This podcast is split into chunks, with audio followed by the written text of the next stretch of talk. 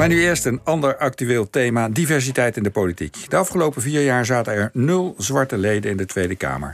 En dat terwijl we in een tijd leven waarin veel gedebatteerd wordt over racisme, diversiteit, het slavernijverleden en gelijke kansen. Hoe is dat mogelijk? Dat vroegen ook vier kandidaat-Kamerleden van GroenLinks, de Partij van de Arbeid, D66 en Denk zich af. Zij vormen samen de Dutch Squad. En een van hen, Fatia Abdi van de Partij van de Arbeid, zit hier in de studio. Aan de telefoon een partijgenoot van haar die lang geleden in de Kamer zat, John Leerdam, die zich ook bezighoudt met de geschiedenis en ook op afstand vanuit zijn huis in Amersfoort, Hubert Fermina die bijna 30 jaar geleden als eerste Zwarte Kamerlid voor D66 werd gekozen. Ja, alle drie eh, goedemorgen en welkom natuurlijk. Uh, Fatia, de Dutch Squad. Uh, vertel eens precies wat dat is en uh, wat hebben jullie gedaan? En wat zijn jullie? Ja, Superleuk. Uh, ja, wij, wij zijn dus uh, de Dutch Squad. Dat is een partijoverstijgend initiatief van uh, mezelf, uh, Milka, Joe Nuneli, Isaude Carrillo. En wij zeiden eigenlijk van, nou ja, we willen op de idealen van onze partij willen de Tweede Kamer in. Maar er is een belangrijke gemeenschappelijke doel dat eigenlijk partijbelang over, overstijgt. En dat zorgt dat die Tweede Kamer daadwerkelijk inclusief en representatief gaat worden. En te beginnen door ook de, onze eigen mensen te mobiliseren om te gaan stemmen de opkomstpercentage, uh, zoals jullie misschien weten uit de laatste etnobarometer, uh, bijna minder dan de helft van kiesgerechtigen met een migratieachtergrond uh, stemmen niet. Wij denken dat het is omdat zij zich niet herkennen in de huidige politiek. En dan bedoel ik niet alleen in wie in de Kamer zit, maar ook de thema's die agendeerd worden, de taal dat wordt gesproken wordt. Dus dat willen we veranderen door zelf heel zichtbaar te zijn.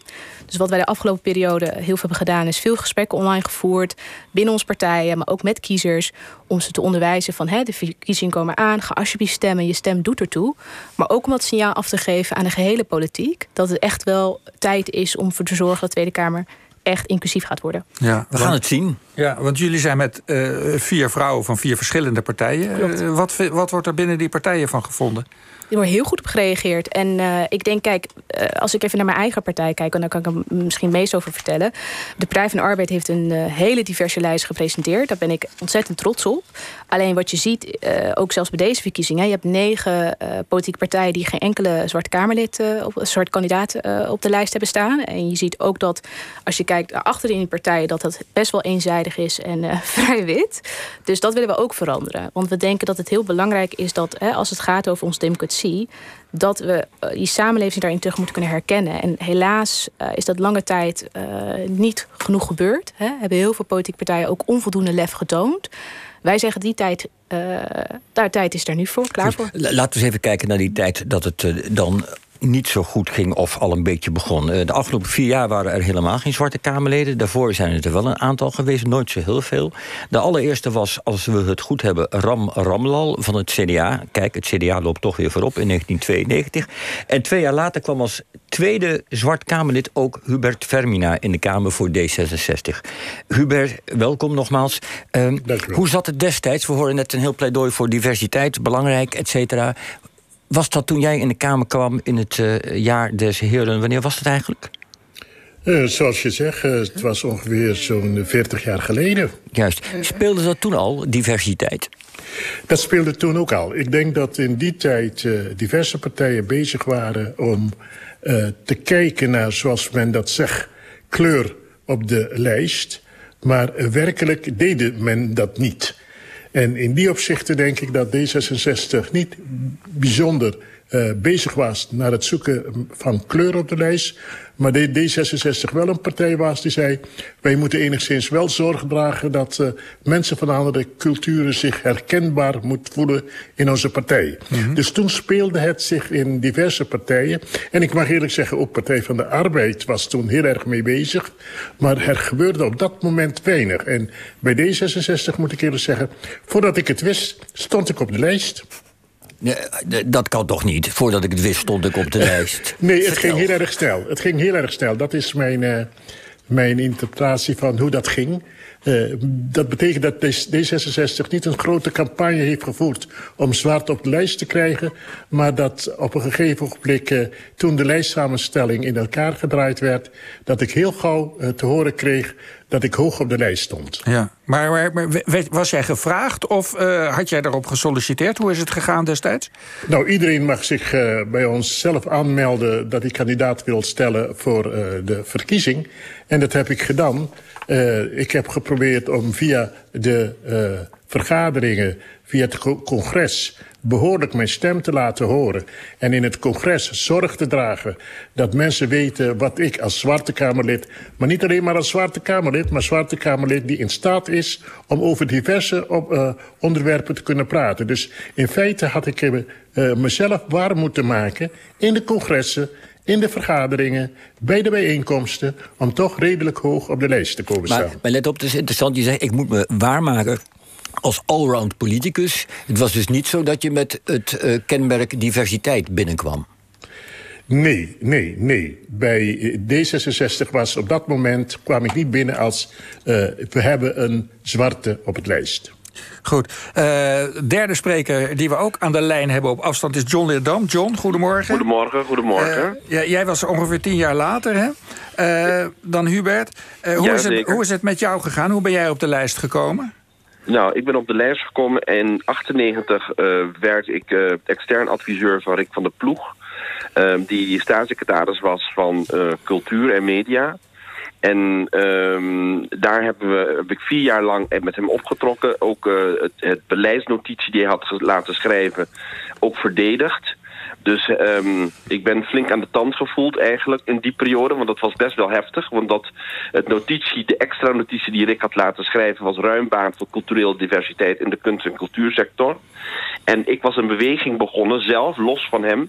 was ik een beweging gekomen, begonnen om te zorgen dat uh, 10% ongeveer van de uh, gelden die beschikbaar kwamen voor kunst en cultuur... dat die ook naar mensen met een biculturele achtergrond... of organisaties met een biculturele achtergrond zouden gaan. Dat is een succes geworden. Het is geen 10% geworden, maar 7%.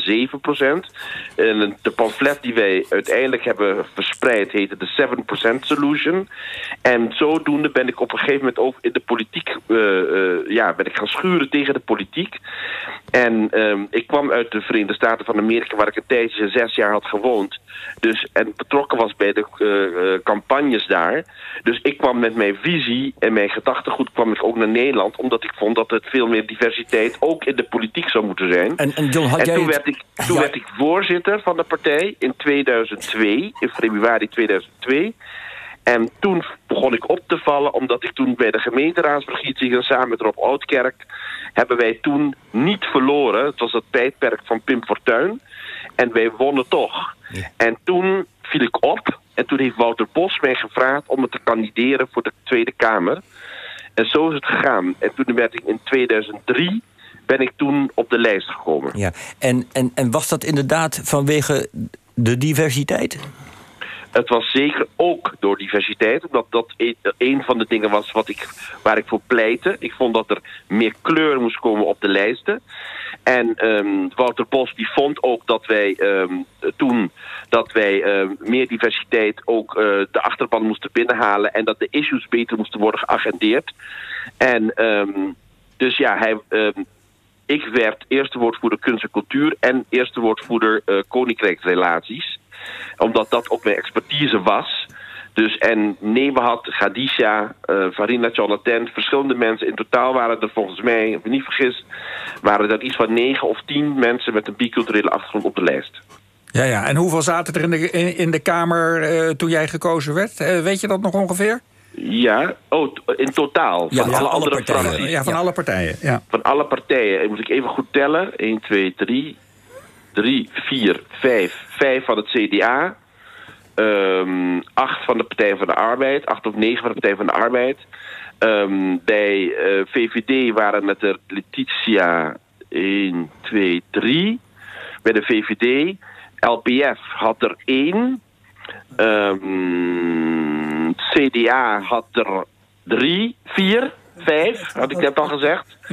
En nou, dat was dus het dan was echt je de tussen- grootste groep. Het was de grootste groep toen ooit in 2003 met zeer divers was. Ja, tussen de 18 en 20, ik heb even mee zitten tellen. Uh, ja. En de dubbeling niet meegenomen. Tussen, dat, is, dat is fors, hè? Dat ja. moeten we nu nou, maar zien te halen. Dat vind ik wel een beetje nou, overdreven, maar goed. Oké.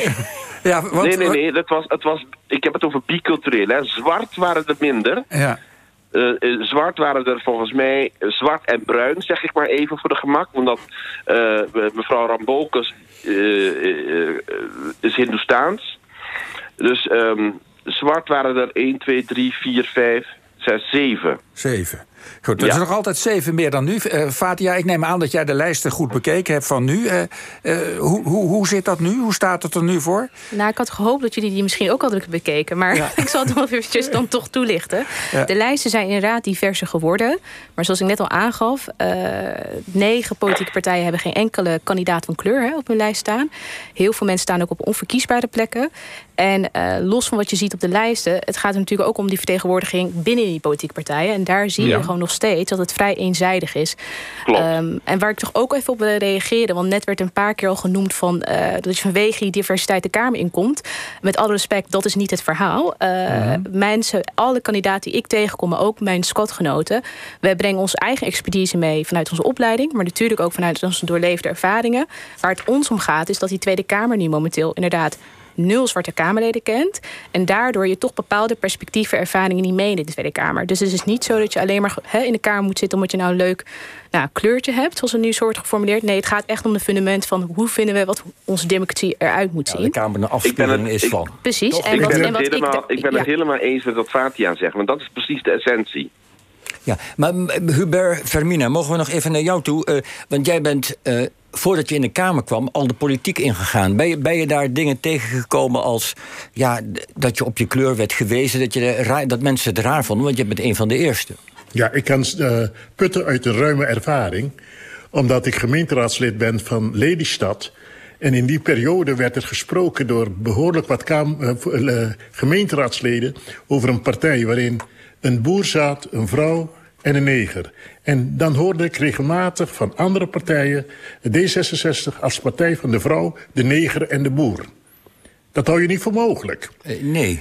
Dat is, uh, dat is wel 40 jaar geleden. Maar toen werd er al gesproken, mensen in een bepaalde hoekje geduwd. Ik heb er altijd op gewezen dat, naar mijn bedoeling, de neger wel de neger met kwaliteiten is. Uh, in die opzichten zeg ik, er is uh, in ieder geval wordt er gewezen op de kleur of op de afkomst. In Dordrecht was ik een lange tijd wethouder. En in Dordrecht heb ik het moeilijkste van mijn leven, van de tijd gehad... toen een van de gemeenteraadsleden in de gemeenteraad zei... uiteindelijk heeft D66 ingevonden die kan lezen en schrijven. Nou, dat was voor mij echt het zoomen. Op dat moment kreeg ik steun van alle gemeenteraadsleden die uit de gemeenteraad stapten. Want dat pikten ze niet. Ik bleef zitten en zei, meneer Giel Koning was dat. Ik wil die naam bij namen noemen. Giel Koning. Ik zeg, meneer, misschien kan ik u helpen met lezen en schrijven. Dat betekent dat ik in mijn periode voortdurend, zowel in de gemeenteraad als in mijn wethouderschap, geconfronteerd werd met mijn afkomst. En mhm. zeer zeker probeert men te kijken op welk gebied men ik het niet kon... en men legde de nadruk niet op het gebied waarin ik wel kon. In, een, in de, uh, als wethouder in Dordrecht werd ik door een wethouder in de vergadering gezegd... meneer Fermina, u legt weer de klemtoon verkeerd.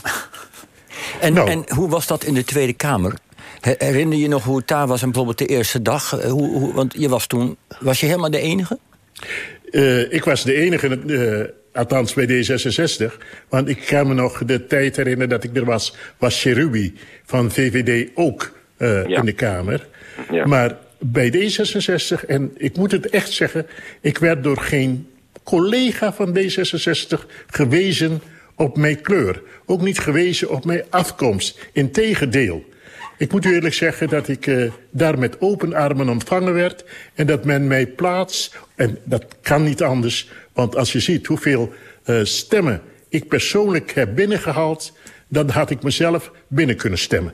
Dus wat dat betreft uh, denk ik dat ik niet kan zeggen dat D66 überhaupt in die vier jaar tijd mij op mijn kleur heb gewezen dat ik iets niet kan of iets wel kan. Alleen, moet ik eerlijk zeggen, uh, in iedere partij wordt er gediscussieerd wanneer de portefeuilles verdeeld worden.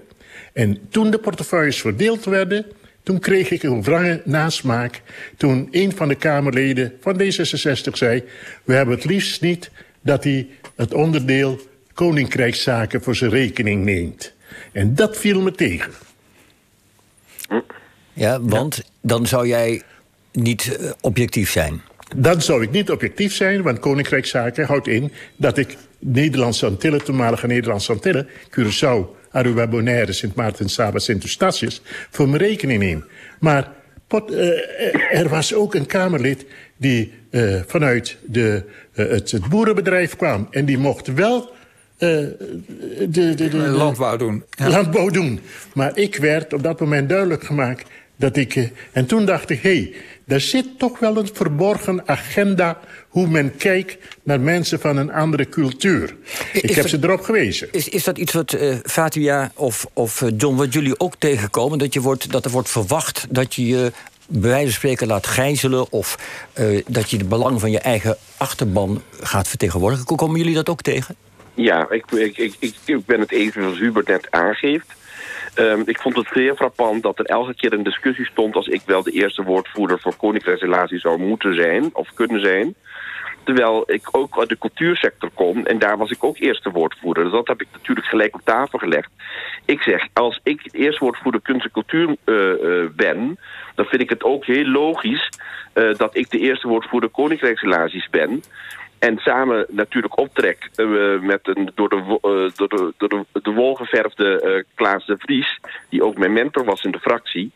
Um, maar, um, want ik weet gewoon precies van de hoed en de rand... hoe het zit op al die eilanden. Eén, omdat ik daar op alle eilanden had gewoond... Uh, alle zes eilanden van, van de Antillen en Aruba had gewoond. En twee, omdat ik me ook erin heb verdiept. En ook actief was in Nederland uh, binnen de Antilliaanse Arubaanse gemeenschap. Dus ik zou het heel raar hebben gevonden als ik dan het woord niet zou mogen voeren. Nou, dat is een gevecht geweest dat kort heeft geduurd. Dus ik kreeg het ook, Wouter gunde mij dat op een gegeven moment ook. Maar die discussie is natuurlijk wel iets wat Hubert ook aangeeft... dat natuurlijk wel altijd, dat, ja, dat je toch vraagt... waarom zou het bij kunst en cultuur wel kunnen...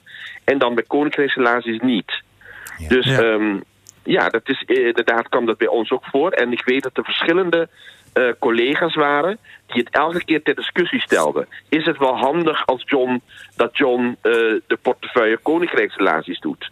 Nou, ik heb gevochten als een, als een leeuw om het te behouden. En dat is ook gewoon goed gegaan, uiteindelijk. Ja, goed, ja. Ja, Wat John nu vertelt is... Ik kan hem nog, nog veilig vertellen. Toen ik... Ik werd wel toegestaan dat ik als tweede man... Uh, uh, in de commissie Koninkrijkszaken zat bij D66. Toen wij reizen maakten naar de Antillen... Uh, zakenreizen, in ieder geval werkbesprekingen gingen voeren... en ik met mijn collega op de Antillen was... toen werd er echt naar gekeken van... hé, hey, de eerste van ons mocht het woord voeren. Jij mocht pas het woord voeren als jij, als wij je toestemming geeft dat jij het woord mag voeren. Dus het was toch wel iets van, zoals je dat had zegt, gijzelen van het feit dat jij ook uit Antillen komt. En ja. de angst dat men je kwijt zou raken ja. in die zin... in die contacten die je met je achterban hebt. Ja, maar voelden jullie zelf ook enige druk van je achterban? Of is daar geen sprake van? Zeker, er was zeker ook druk van de achterban. En omdat die soms uh, hele onmogelijke dingen aan je vroegen... Um, maar tegelijkertijd was het ook zo dat ze soms sommige dingen niet helemaal snapten. En dan kon ik ze dat juist heel goed uitleggen. En je had natuurlijk ook affiniteit. Want sommige zaken die ook besproken werden in, in de commissie... dat kon gewoon niet. Zoals het terug, het, het, de regeling die waar de CDA op een gegeven moment kwam... en ook de PVV mee kwam om uh, mensen uit de Antillen en Aruba... gewoon terug te gaan posten. Dat, dat soort zaken, dat is gewoon, was een hele pijnlijke situatie... wat wij toen hebben meegemaakt.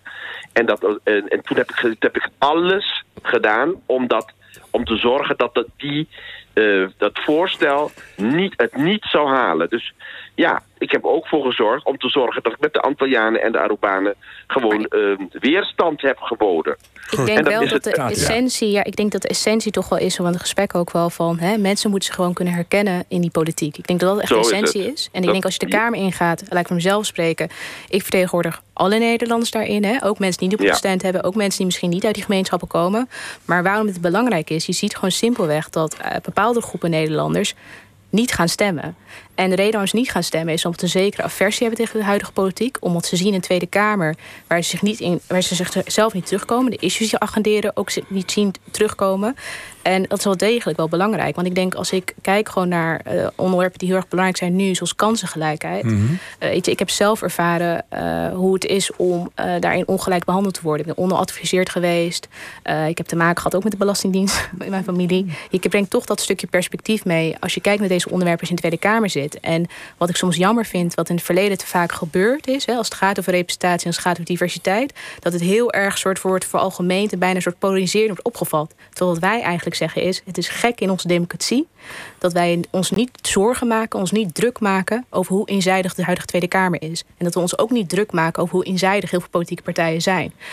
Ik ben optimistisch en dat is ook de reden waarom we de Dutch Code zijn begonnen. Omdat we zien dat er echt een kentering daarin is. De samenleving zegt eigenlijk, dit is niet acceptabel meer. Er zijn heel veel initiatieven, represent jezelf, kleur de Kamer, die daar een verschil willen maken. Dus dat is heel erg belangrijk. Maar ik denk de essentie is uiteindelijk wel van hè, wie wordt gehoord, wat wordt gehoord mhm. en welke dingen worden belangrijk gevonden in de Tweede Kamer dat daar willen we een kentering in aanbrengen. Ja, en maar... daarom, vind ik het ook, daarom vind ik het heel goed dat die jonge, die jonge generatie, de, de nieuwe generatie, waar uh, Fatia uh, bijvoorbeeld ook bij hoort. Als je ziet hoe zij nu uh, opereren en hoe strategisch zij opereren. Het is toch niet een echte... Uh, en ze elkaar ook vinden en gezamenlijke agenda-bepaling hebben gedaan. Dan denk ik, dit is juist om, om toe te juichen en te applaudisseren. En hun daarin te steunen. En alle ervaringen die wij dus hebben opgedaan. Wij zijn misschien de voorlopers geweest. Hubert, Vermina en ik en anderen. denk ik dat het toch goed is om ook die expertise die wij hebben um, die wij meedragen met ons... om dat door te geven aan hun, om, zodat zij nog beter kunnen gaan scoren. Ja, ja ik, ik denk dat Johnny... Uh, echt, uh, John precies zegt waar het om draait. Wat we wel missen is dat de oud-Kamerleden uit Suriname, uit Curaçao... uit uh, andere delen van onze cultuur... dat men toch op de een of andere manier hun achterban moeten uh, voeden. Dat wij moeten kijken naar wat er nu komt. Want wat er nu is, heeft een andere inkijk daarbij. En ik kan er ook van leren. Wat ik eerlijk moet zeggen is, toen ik in de Kamer zat... was ik iets rustiger in die zin van de aanval aanpakken. Maar ik merk nu een soort duidelijke aanval. Een soort aanval in die zin van mensen bewust maken, bewust maken wat er gebeurt. En dat gebeurt bij die jongeren mensen die nu op dit moment politiek actief bedrijven. Daar kan ik veel van leren, dat heb ik. Ik, steek hand in eigen boezem. Ik heb op dat moment, 40 jaar geleden, veel te weinig aan bijgedragen. En op dit moment denk ik, mensen gaan zo door en jullie zullen mijn steun krijgen. Ja, nou, dat is mooi, Fatia. Ja, zeker mooi. Maar ik denk toch, die doet jezelf ook misschien tekort. Het is, laten we wel wezen, het is best wel moeilijk ook. Hè? Het is een reden waarom ook het lange tijd natuurlijk niet is gebeurd. En uh, we hebben het woord racisme niet genoemd hier. Uh, dan moet ik toch ook wel bij zeggen. Hè? Dat is, wat ik heel veel weet van heel veel mensen van kleur die actief zijn binnen politieke partijen. Dat die zich vaak eenzaam hebben gevoeld. Hè? Dat ze zich vaak ook hè, te maken hebben gehad met stereotyperingen. Vaak hele onbewuste dingen. Dat is ook een reden waarom mensen zich misschien niet altijd geroepen hebben gevoeld om zich kandidaat te stellen. Je ziet het ook bij vrouwen. We laatst was ook in nieuws over de hoeveelheid intimidatie waar vrouwen mee te maken hebben krijgen als ze de politieke arena instappen. Dus we moeten ons ook bewust zijn van. Hè, het klimaat waar we ons bevinden. En ik denk daarom heb ik bewust die samenwerking opgezocht. Juist omdat hè, in tijden van polarisatie vind ik het belangrijk te laten zien... wij slaan de handen ineen om hier verschil in te maken. Maar die strijdlust uh, waar Hubert en John er ook over hadden... ja, tuurlijk nemen we die mee. Maar dat is ook omdat we een lange adem nodig hebben om dit echt te veranderen. Ja, want uh, jij werkt nu dus samen met uh, drie vrouwen van drie andere partijen. En jullie hebben al gezegd, uh, na de verkiezingen gaan we ook door met die samenwerking. Ja ja, wij willen ervoor zorgen dat veel meer mensen met een biculturele achtergrond zich aansluiten bij politieke partijen. Dat ze zich kandidaat stellen. Die politiek heeft ook een voorbeeldfunctie. Dus wij laten, willen ook eigenlijk zelf te laten zien dat wij zelf zo actief zijn van hey, jij kunt dit ook. En ik hoop, en dat is mijn stiekem hoop, als wij mensen daarin kunnen onderwijzen, trainen en aanmoedigen, dat mm bij de komende gemeenteraadsverkiezing dat we ook een echt een groot verschil gaan zien. Ja, want jullie staan alle vier niet echt op een verkiesbare plaats. Hè? Uh, hebben jullie toch een goede hoop dat je met voorkeurstemmen of zo toch nog erin komt? Absoluut. Ik denk dat wij alle vier erin gaan komen. En ik zou ook eigenlijk van deze gelegenheid gebruik willen maken aan alle mensen die ook luisteren. Ga alsjeblieft stemmen. Dus als je stemt, hè, stem niet alleen op kijk van de idealen of de nummer 1 of 2. Kijk ook verder op die lijst.